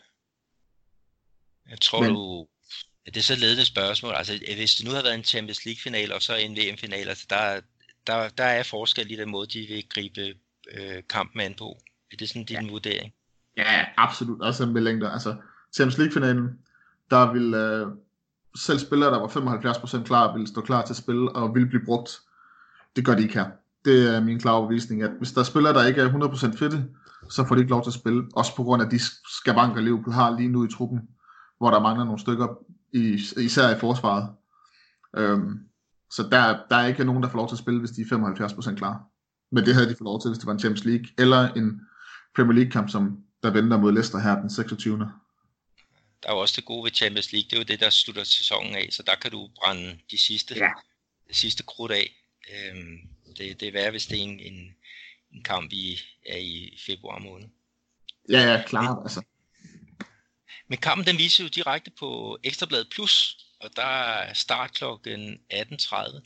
Der er sådan nogle arrangementer rundt omkring, øh, blandt andet i København. Jeg ved, min, min marker Andreas Knudsen, han skal ind og se øh, kampen på Old Irish Pub ved, ved Tivoli. Men øh, hvor skal du se den hen? Vi er en flok gutter, der har set fodbold sammen. Vi har i København i, hvad er vi, snart fem år. Og vi har egentlig de sidste 3-4 år holdt julefrokost på den sidste kampdag inden jul. Så det gør vi igen i år. Vi har en bar, hvor vi ser Liverpool på, der hedder Skål inde på ved Kultorvet. Så der tager vi ind og øh, holder lidt julefrokost inden, og kommer i rigtig godt humør. og, så, øh, og så skal vi se kampen bagefter. Øhm, så jeg håber da, at, der skal man sige, at kampen er med til lige at højne niveauet en smule. Øhm, men altså, vi skal hygge os og have nogle øl, og så skal vi så forhåbentlig se Liverpool vinde. Det, det er jo ligesom det, det går ud på for os. Hvor mange er der plads til inde på, på skål? Er der, er, der, er der plads til, at der er mange, der kan komme ind og, og kigge jer i øjnene og se, om I har fået, fået hvad det, at væskebalancen er i orden? altså, der plejer at være rigeligt, altså, der er rigtig meget plads derinde. Øhm, det kommer an på, nu er det jul, så det kommer, men der plejer at være, vi havde til Champions League-finalen, der tror jeg, at de var 300-350 mand derinde. Der var også hele barn, der var bygget om til det Champions League finale. Det bliver det næppe på, på lørdag, så jeg tror vel, der er plads til en 75-100 mand, hvis det er sådan, at, øh, at de dukker op. Så og alle er mere end velkommen til at komme ind og se noget fodbold. Også dem i Flamengo, tror jeg. Også dem i Flamengo, tror jeg. Især dem. Det, det, jeg synes, jeg kan godt lide charme ved at se fodbold sammen med nogen, der holder med andre hold. Og øh, det gør også, at vi måske lige kan få en slud for en slad og finde ud af, hvem er modstanderne egentlig på et andet niveau, end, det, man kan læse til og, og kan høre igennem podcast som jeres. Så alle er selvfølgelig mere end velkommen til at kigge forbi. Ja, det, det lyder rigtig godt. Øhm, jeg skal jo også bede dig om at komme med et tip på, resultater. Ja, Så det er jo altid svært, når man ikke rigtig kender modstanderen. Øhm, jeg tror, Liverpool de nupper en 2-1 sejr. Nu er, jeg kan ikke huske, om det er 10 gamle kampe i den her sæson, der er en 2-1 til Liverpool. Det er der omkring i hvert fald. Så det skulle ikke under os, den ender 2-1 til Liverpool. Ja, det, det er godt bud. Jeg, er så, jeg, har de, jeg holder jo med Vasco da Gama, som er, er konkurrenterne til, til Flamengo.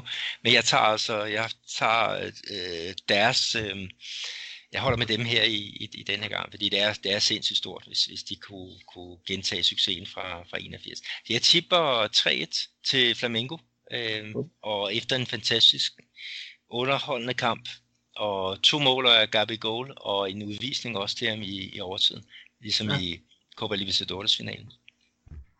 Det lyder godt. Er det et uh, vedmål, vi har, så uh, kan vi få det lejlighed. ja, ja hvad, hvad skal vi ved? skal vi ikke bare sætte en øl på højkant? Det, det er dejligt nemt. Jo, men det, du kommer til Brasilien, eller jeg kommer til Danmark, så må vi, så må vi mødes. Og, det er så, det hvis der ikke er nogen, der har resultatet rigtigt, så må vi jo give en til, til den anden. Det lyder som øhm, rigtig Så har vi da to øl, som vi kan, vi kan nyde. Så. Det lyder som men, men Lasse, tusind tak for, for din deltagelse her i vores, øh, vores podcast. Det har været en fornøjelse at have dig igennem, og, og jeg håber, at, øh, at vi må ringe til dig en anden god gang, fordi øh, det kan jo være, der, der bliver noget mere crossover mellem øh, Brasilien og, og England her øh, fremadrettet. Selvfølgelig, Peter, og selv tak, fordi jeg var med. Det var en fornøjelse. Det er jo godt, og god kamp på, på lørdag. Tak, og lige måde. Uma vez Flamengo, sempre Flamengo. Flamengo sempre eu hei de ser.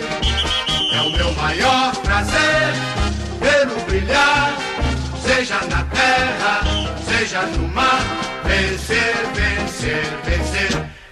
Jamen Per, det var jo en øh, fantastisk snak, I, øh, I to havde. Og øh, jeg må sige, at øh, det, var, øh, det var dejligt at høre, at man både kan, kan spille You'll Never Walk Alone og Uma Vez Flamengo øh, i, i, i samme program. Det rammer jo virkelig, virkelig tingene ind. Især fordi det er mig, der har lavet de der to skiller, så det, er jo, det gør det jo bare ekstra godt. Men det, men det der var spændende også med, med det, Lasse siger, ikke, det er jo det, at, at, at det er jo to hold, der går ind med nogle forskellige præmisser. Øhm, man siger det med, med Liverpool, altså hvis der er en spiller, der er 70% skadet, havde det været en Copa, øh, Champions League-final, så havde han spillet. Øh, så havde de hævet det sidste ud af ham. Men nu har de så mange andre kampe, der er vigtige, at de vil gerne vinde det, det engelske mesterskab. Så, så nu spiller øh, Van Dijk måske ikke, øh, fordi der er andre hensyn, ikke hvor mod Flamengo. Så det kan godt være, at de er trætte og sådan noget der, men de, de skal bare 90 minutter, ikke? så skal de på, på ferie, så de kan give den alt. Og, øh, og spillere, der, der måske er lidt møre, lidt, det, det, det trætte man ikke, de er, er helt oppe at ringe, øh, når, når de har muligheden for at, at få et, et, øh, ja, det, det mest populære trofæ her i, i hele Sydamerika. Helt klart, og så igen vise over for Europa, at øh, vi vil altså også øh, øh, øh, rejse med på, på, på første klasse. Og, og lige netop den der, den der ting, du nævner her, Peter, det tror jeg måske kan gå hen og blive en, jeg vil ikke sige den afgørende faktor, men det kan i hvert fald have indflydelse på, på, på kampen. For selvfølgelig vil Liverpool gerne have den her pokal hjem i skabet, men, men Flamingo vil nok have den endnu mere end Liverpool, og så har de jo heller ikke en kamp den, den 26. december, som, som, som Liverpool jo har. Så, så, så ja, hvor alting er, så er det jo måske svært at planlægge sådan en VM for klubholdkamp, hvor det passer godt for nogen af holdene, fordi hvis man gjorde det i sommerpausen, så vil det jo være midten i den, i den brasilianske liga, så ja, fastlagt her i december, det er jo det, det plejer at være, så, så må vi jo tage det derfra. Men, men Andreas, hvad er dine forventninger til finalen? Jamen, øh, men øh, jeg, jeg, jeg er fristet til at sige, som jeg sagde til Gisle Thorsen, til Ekstrabladet, jamen det bliver en 3-0 sejr til, til Flamingo. For det, det, det, det er sådan lidt mantra, det, det, det skal jeg jo sige, for det skal være den der gentagelse af 81. Og når det så er sagt, så risikerer det jo nærmest at blive sådan en selvopfyldende profeti, at vi vinder den her kamp, og så taber Flamingo. Men øh, jeg tror, at øh, en, en lidt søvnig Sala kan være en fordel for, for Flamingo. Og hvis øh, begge hold giver hinanden plads på banen, så, så tror jeg, vi kan få en rigtig, rigtig underholdende kamp.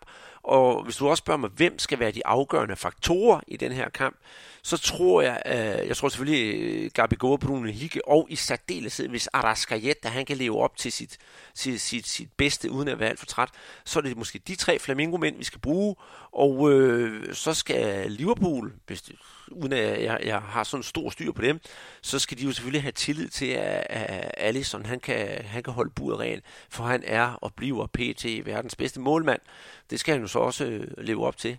Men hvis det kommer så vidt, vi skal til straffespark, så kunne jeg godt forestille mig, at Diego Alves, han vil, han vil slå igen, for han har jo en eller anden øh, tendens til at være rigtig god i, i straffespark. Og når det så er sagt, så håber jeg i hvert fald på, øh, uanset resultatet, en kamp, hvor underholdningsværdien, øh, den er kæmpe, kæmpe stor. For vi trænger til at se et godt opgør, øh, og, og nogle lige opgør mellem et sydamerikansk hold og et europæisk hold. Øh, Barcelona-Santos, nej, fuldstændig skævt. Øh, Barcelona vinder 4-0. Øh, Chelsea, Corinthians, gud være med, med Corinthians, de kan være stolte over, at de vandt den der finale, men nogen smuk kamp, det, det blev det aldrig. Man øh, trænger sgu til noget, noget god krydderi og noget god kulør, og det håber jeg altså, den her kamp mellem de her to hold, det kan give, for det er to hold, der gerne vil spille fodbold. Ja, jeg er helt øh, enig. Så jeg, jeg tror også, at Flamengo de vil gå ud og udfordre. Altså, man kunne se i den kamp mod Monterrey, selvom der var nogle, nogle, nogle øh, hvad hedder det, afbud i Liverpool, og de ikke stillede lige med, med de stærkeste øh, heste fra, fra start. Altså, der var nogle problemer nede i deres defensiv. Og hvis der er et område, hvor Flamengo er gode, så er det netop deres, deres offensive øh, kvartet. Det, de skal passe meget på med, det er, det er omstillinger. Det, det snakker Lasse øh, Kallesen også om. Der er det jo vigtigt, at de hele tiden holder kontrollen. Og også det der med øh, hvilket gennembrud på fløjene, og så afleveringerne øh, skråt tilbage. Det har jo kostet mål i, i, her i semifinalen, ikke? og også i Copa Libertadores finale. Så der er det vigtigt, at øh, den defensive midtbane holder, holder kontakt med den defensive, øh, eller med det centrale forsvar, således der ikke bliver det, det rum til at spille bolden øh, bagom til, til afslutning. Men, men øh, jo, jeg glæder mig. Jeg glæder mig sindssygt meget til, til den her øh, match. Men jeg er også spændt på en anden ting, Andreas. Altså, nu snakker vi om det der med de mange kort, og spillerne kan godt blive frustreret, øh, også fordi de vil gerne vil vinde den her øh, kamp, altså for, for alt i verden. Og går det ikke lige, som man, man håber på, altså hvad, hvad bliver det så? Altså, kan, kan de holde hovedet koldt, øh, de her unge øh, halvunge, halvunge brasser? Altså, hvis du spørger mig, så, så, så har jeg svaret ja, og så har jeg svaret nej. Jeg har svaret ja med hensyn til øh, Philippe Louise og, og, og Hafinha, øh, og, og for eksempel også Gerson.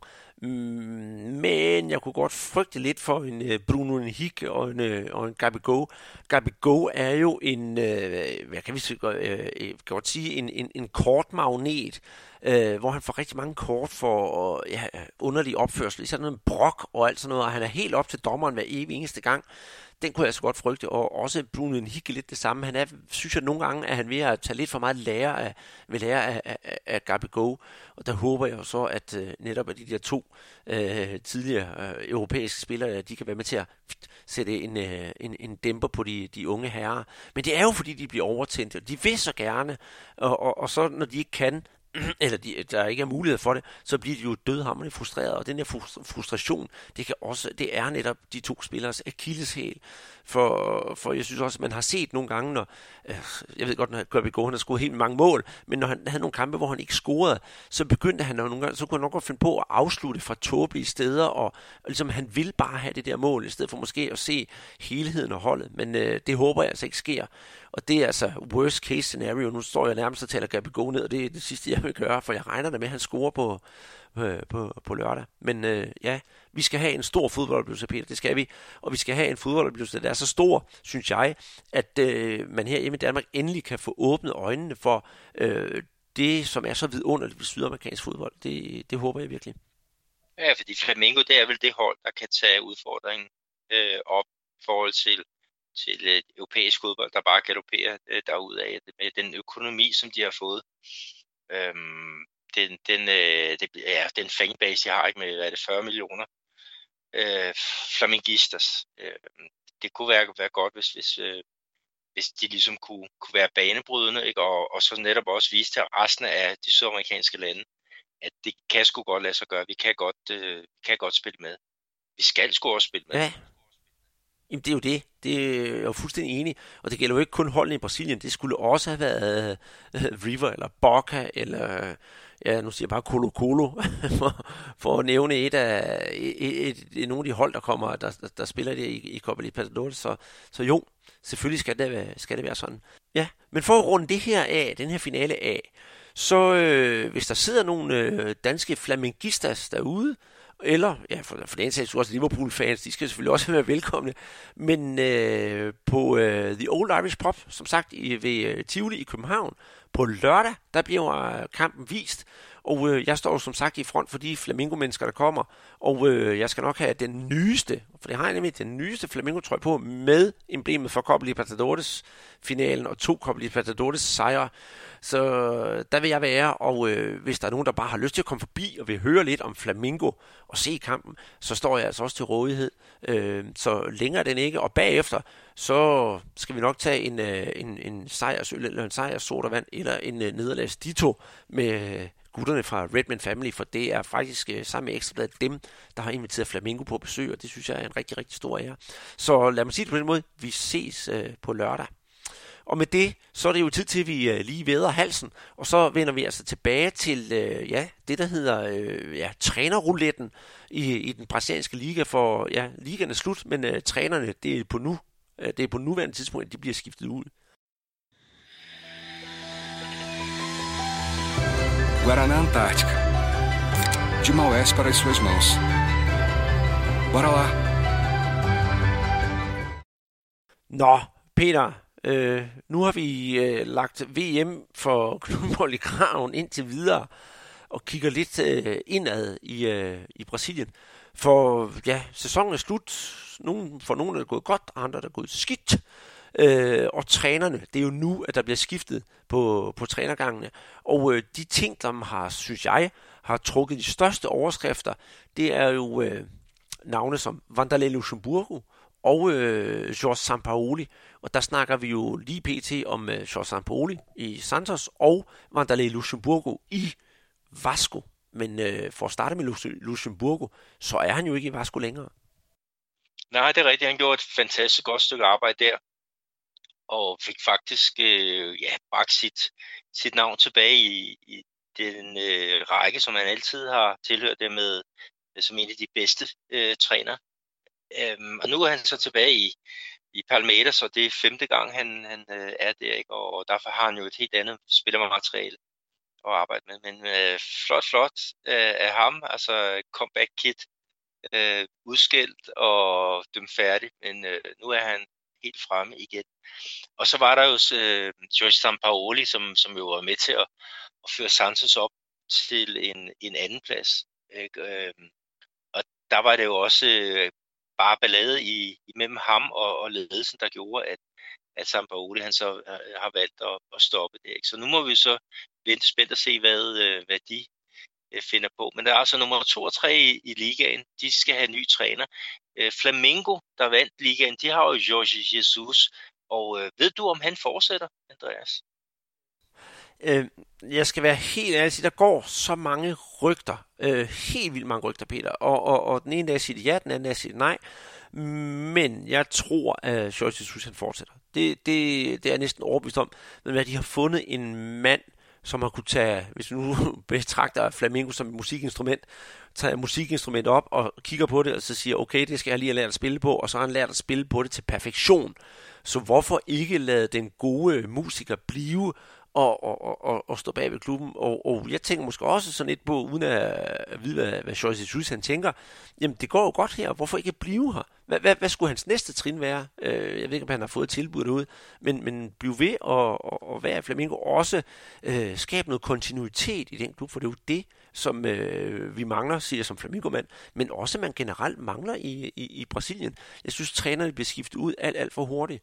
Øh, selvfølgelig, hvorfor der har også været nogle penge ind i spillet med Vasco og, og Luxemburgo selvfølgelig, men, men prøv at beholde en sæson til. Øh, nu har han gjort det godt, for eksempel i, i, i sidste halvdel af sæsonen her, holdt Vasco oppe, øh, kunne det måske blive til noget bedre, i stedet for at få en ny mand ind, som skal starte det hele forfra med, med, med, med sit team. Øh, Øh, nu kommer jeg til at tænke på en, øh, en anden træner netop, øh, som røg tilbage. Det var øh, Hosea Seni, som var i Fortaleza, smuttede fra Fortaleza, så gik knap så godt, så hentede de ham tilbage igen, og nu går det godt igen.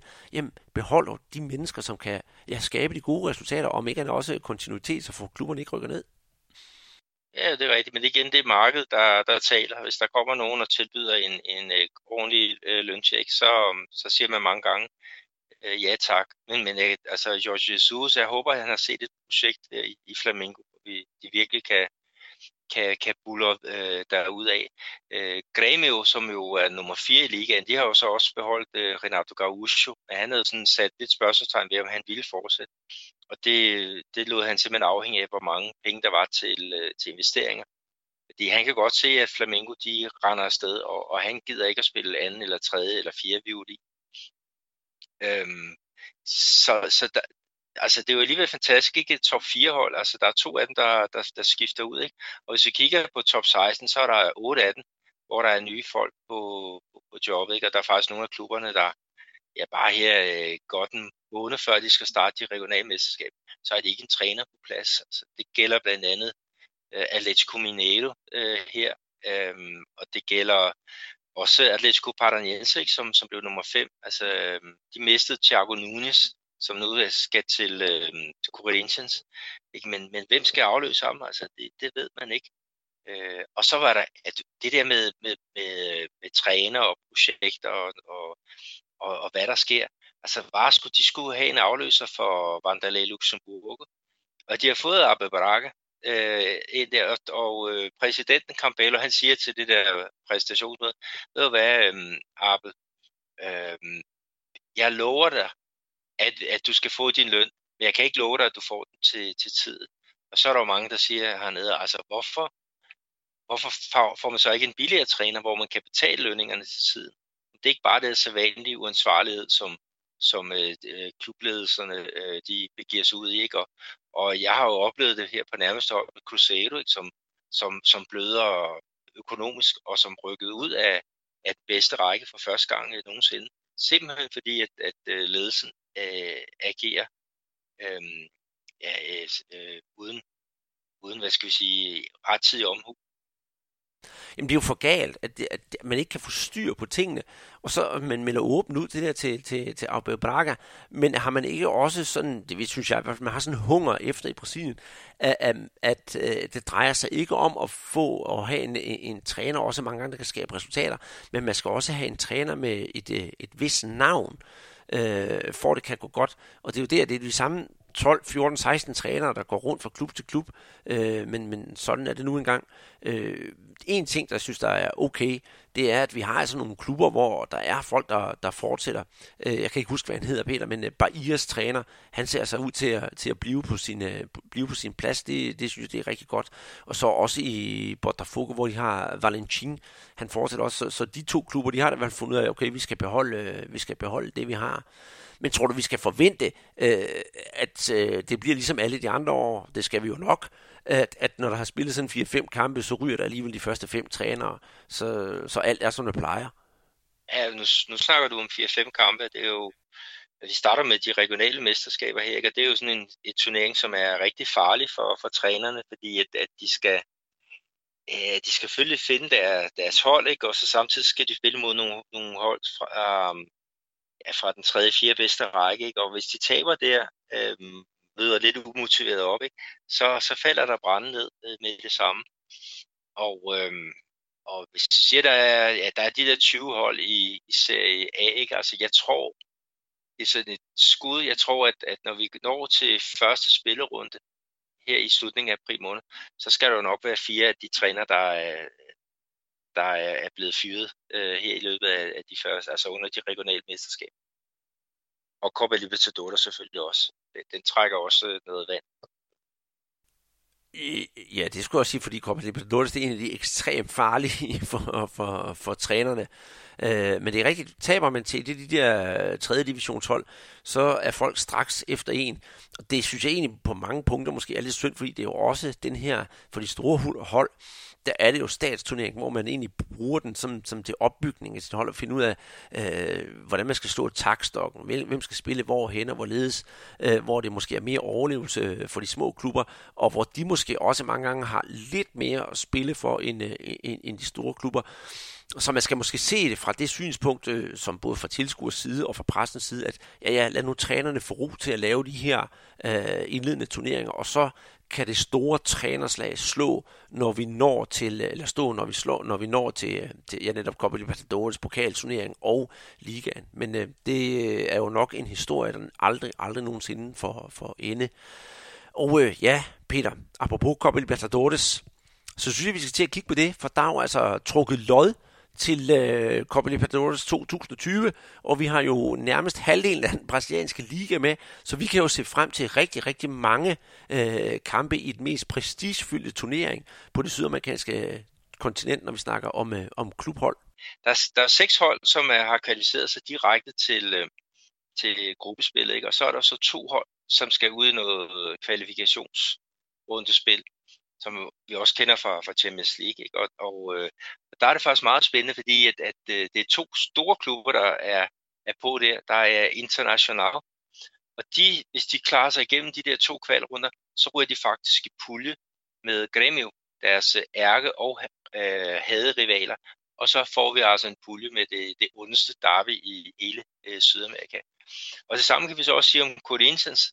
Hvis de kommer igennem skærsilden øh, der med, med de kvalifikationskampe, så er de faktisk sat til at spille i pulje med Palmeiras, og så har vi det der Derby Paulista, som også er et, et, et, øh, et opgør, hvor at, at, øh, følelserne kommer helt øh, op i kog. Og så er der jo så også en, en anden pulje, som må være interessant med vores øjne, Andreas. Det er jo selvfølgelig Flamengo, øh, som har kommet ind, altså de forsvarende mester, som er kommet i pulje A, Ja, og, det, øh, og de kan jo risikere, eller de, øh, de møder jo faktisk øh, Independiente del Valle, som vandt uh, Copa Sudamericana her i, i 2019. Så der får vi jo faktisk allerede sådan en, en supercopa i, uh, i, i Copa Libertadores, så det bliver, sgu også, det bliver også rigtig spændende og det glæder jeg mig utrolig meget til. Og øh, Peter, nu er du kommet med den her lange smøre om, øh, hvordan og hvorledes for de brasilianske klubber, øh, men jeg hørte dig på intet tidspunkt sige, at øh, hvornår vi får dem se på dansk tv, så det siger jeg nu. Tag nu teten op derude, de danske tv-kanaler. Det kan godt være, det er midt om natten, men øh, det kunne være fedt at få lov til at se Copa Libertadores på dansk tv, og det ikke kun er, er finalen, for mange gange er det de her kampe op til, som er meget, meget mere spændende end ja, selve finalebraget, som for øvrigt jo i år var ultraspændende. Men ellers så har vi jo skrevet om det. Øh, puljerne, de kan jo ses inde på vores, vores Facebook-side. Så skal vi ikke øh, lægge den ned der, øh, Andreas, og så kigge mod, mod landsholdet, fordi der har jo som også været lodtræk. Men det er rigtigt, for i den her VM-kval, der er der jo blevet øh, trukket lod om, hvordan holdene skal mødes øh, indbyrdes her i, i Sydamerika. Og der møder Brasilien faktisk øh, Bolivia hjemme i den allerførste runde, og det er omkring den 26. marts. Og så senere, der skal de lige 3, 4, 5 dage senere, der skal de en tur til, til Peru. Så øh, de, altså Bolivia og Peru, der bliver også lagt, øh, lagt hårdt ud, og så især den der øh, tur til Peru, der kan man godt risikere at spille op i højderne. Så det bliver altså spændende fra, fra starten af. Ja, det, det bliver det i afgørende. Altså i, ja, det, det bliver det i høj grad, ikke? Og vi skal så også sige, at, at de kommer jo til at spille øh, rigtig mange kampe. Øh, der er jo Copa America også her øh, til næste år. Øh, man, man har lavet den øh, turnering øh, to år i træk nu. Og det skal så spilles i Colombia og i Argentina. Så vi har lige det der runde 1 og 2 før øhm, Copa America, og så bliver der ellers øh, masser af kampe i, øh, i, i efteråret. Det kan man sige, det er lidt, et sted lidt ærgerligt, når man lige har spillet en intens turnering, ikke? så skal man så i, på den igen, så at sige. Men, øh, men sådan er det. Men øh, ja, sådan også for at føre en fin tråd fra VM, så øh, over til vores sidste punkt, Peter, så skal vi jo snakke om øh, noget, der sådan er blevet, øh, ja, nu, nu har vi lige lagt Knudsens kæphest og Peters Cafesino ned her et stykke tid, men man kan næsten godt kalde det min kæphest, men øh, det er jo så mere på den positive måde, for her den 28 øh, december, så øh, bliver der spillet Jogo das Estrelas, som jo er øh, en fodboldfest uden lige i øh, Brasilien. Det er også det, der på engelsk hedder Zico All-Star Game, hvor ja, øh, den gamle Zico han inviterer alle øh, mulige kendte fodboldspillere på besøg, der spiller fodbold med ham, og bare for at nævne i flæng, og det, det er virkelig i flæng, for det er mange, der har været med, øh, så kan jeg nævne Edgar Davids, øh, Clarence Seedorf, øh, Kaká, Neymar, ja, og så ja, selveste Diego Maradona, og øh, når jeg nævner her Diego Maradona, så er det for at tease lidt for en kommende julegave for oprindeligt Peter. Så var det jo meningen, at den her podcast, der skulle vi jo have haft min snak med Junior Coimbra, Sikus søn, om hele det her Jogo das Estrellas. Men øh, den snak, den er altså blevet skubbet lidt til side for, til fordel for, hvad hedder det, øh, VM for klubhold. Så vi har besluttet os at give jer derude en, øh, en julegave. Så lige her op til jul, der kommer altså den her special, hvor jeg snakker med, med, med Sikus Junior, hvor han fortæller, om hele det her joke, der til hvordan det opstod. Øh, hvordan de fik Maradona til at være med, for det er altså også en lidt sjov historie. Og i det hele taget, hvordan man gik fra at have en, øh, en, en lille kamp, hvor der var 1000 tilskuere, til nu at have en, hvor der er minimum 50.000 tilskuere på, på det største stadion i Brasilien. Og ikke alene er det jo bare en, øh, en, en show, der Estrellas, hvor de der stjerner mødes. Men det er jo blevet en folkefest. Der var en hel dag efterhånden. Der er optræden, og der er også noget, der hedder Jogo das Artistas, hvor øh, øh, filmstjerner og musikstjerner, det kan også være en svømmestjerne eller en basketballstjerne osv., de mødes og spiller fodbold mod hinanden, og så kulminerer det hele til sidst med det der. Og jeg kan godt fortælle dig, hvad kampen ender med allerede nu, Peter, hvis du bare er i tvivl. Det ender med, at uh, Sikus barnebarn scorer det sidste mål. Hvad resultatet bliver, det ved jeg så ikke, men uh, sådan er det. Det er næsten altid sådan, at alle tre Zico-generationer, de skal ind og uh, i hvert fald være på banen, og så score et mål. Så det er noget, jeg glæder mig enormt meget til. Og så kan I derude måske spørge, hvorfor glæder man sig til at se en, en gammel mand på snart 65 spille fodbold. Så siger jeg det korte, jamen det er jo bare fordi det er smukt. Længere er det ikke. De der gamle herrer, de kan altså noget med en bold. Det kan godt være, at hurtigheden ikke er der, men timing og teknikken, den sidder simpelthen som ja, altså malet til kroppen på dem, og det er fantastisk at se deres afleveringer. Og så kan man også mærke på dem, hvordan de morer sig. Det er jo en fest. Vi så sidste år, hvordan sådan en som Junior, øh, begyndte at brokke sig over, at han havde alt undtagen luft og ben til at spille en, en hel kamp. Og så kan man også se, at de unge spillere, der med, øh, de respekterer jo de der gamle mennesker helt vildt meget. Så det er ikke sådan noget med, at nu skal Vinicius Junior for eksempel være med i år, og Lucas Paqueta, hvis vi bare tager to af de helt unge spillere, de skal være med i det her. Det er ikke sådan noget med, at de løber hen, og så viser de alle deres smarte driblinger over for en øh, Zico, en junior eller en Leandro, som for øvrigt alle har været med til VM i 82. Nej, det, øh, der viser man sine driblinger over for nogle andre, og så viser man kæmpe stor respekt over for de der spillere. Så der er også et eller andet kærlighedsforhold, de der brasilianske spillere imellem, og det, det synes jeg også giver den her kamp en, øh, kamp noget varme. Så hvis man er i, øh, i Rio den 28. december, så tag ind og se den her kamp. Det koster øh, ikke ret meget, jeg tror en, en almindelig billet, den koster omkring en, en 100 kroner, og øh, alle pengene går faktisk, øh, ja selvfølgelig er der nogle og, og driftsomkostninger ved det her, men ellers så går alt overskud til forskellige godgørende formål. Og det kommer jeg til at høre meget mere om i denne her podcast, jeg har lavet. Og øh, ja, Peter, nu sidder du og tænker, jamen, øh, Sikus Junior har snakket med mig. Øh, har det også nogen betydning for Joker og Stellers? Og øh, til det kan jeg roligt sige, det er der. For øh, Zico og Zico Junior har faktisk øh, kigger den rette mod, øh, mod Danmark, fordi de kan begge to øh, godt huske dansk fodbold fra 86 og fra 92. Så øh, det er måske ikke sådan helt hen i vejret, hvis vi på et tidspunkt ser en øh, dansker blive inviteret ned til Brasilien og spille fodbold sammen med Zico. Det kunne jeg i hvert fald godt se noget, noget i, og så ender det nok med, at man skal købe en billet til Brasilien for, for at komme ned og se det også. Ja, det ville være fantastisk, hvis vi kunne få en, en dansker øh, med på, på den, øh, til en øh, ja, folkefest. Ikke?